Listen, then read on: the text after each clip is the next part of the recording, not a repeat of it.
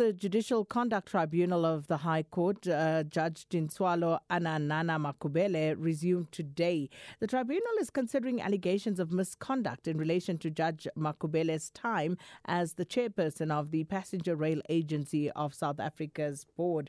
And uh, this after commuter activist organization, hashtag Unite Behind, laid a complaint with the Judicial Service Commission in 2019, accusing uh, Judge Makubele of misconduct when she took up dual roles of Gauteng High Court judge as well as chairperson of the PRASA board. So for the latest, we joined on the line now by our reporter Kenny Mapanga. So how did it go today and uh, what's come out so far? Uh, basically, what we're dealing with now is we were expecting to hear from Judge Makubele for the first time as the uh, next leg of the uh, tribunal continues from today and was expected to conclude on Friday.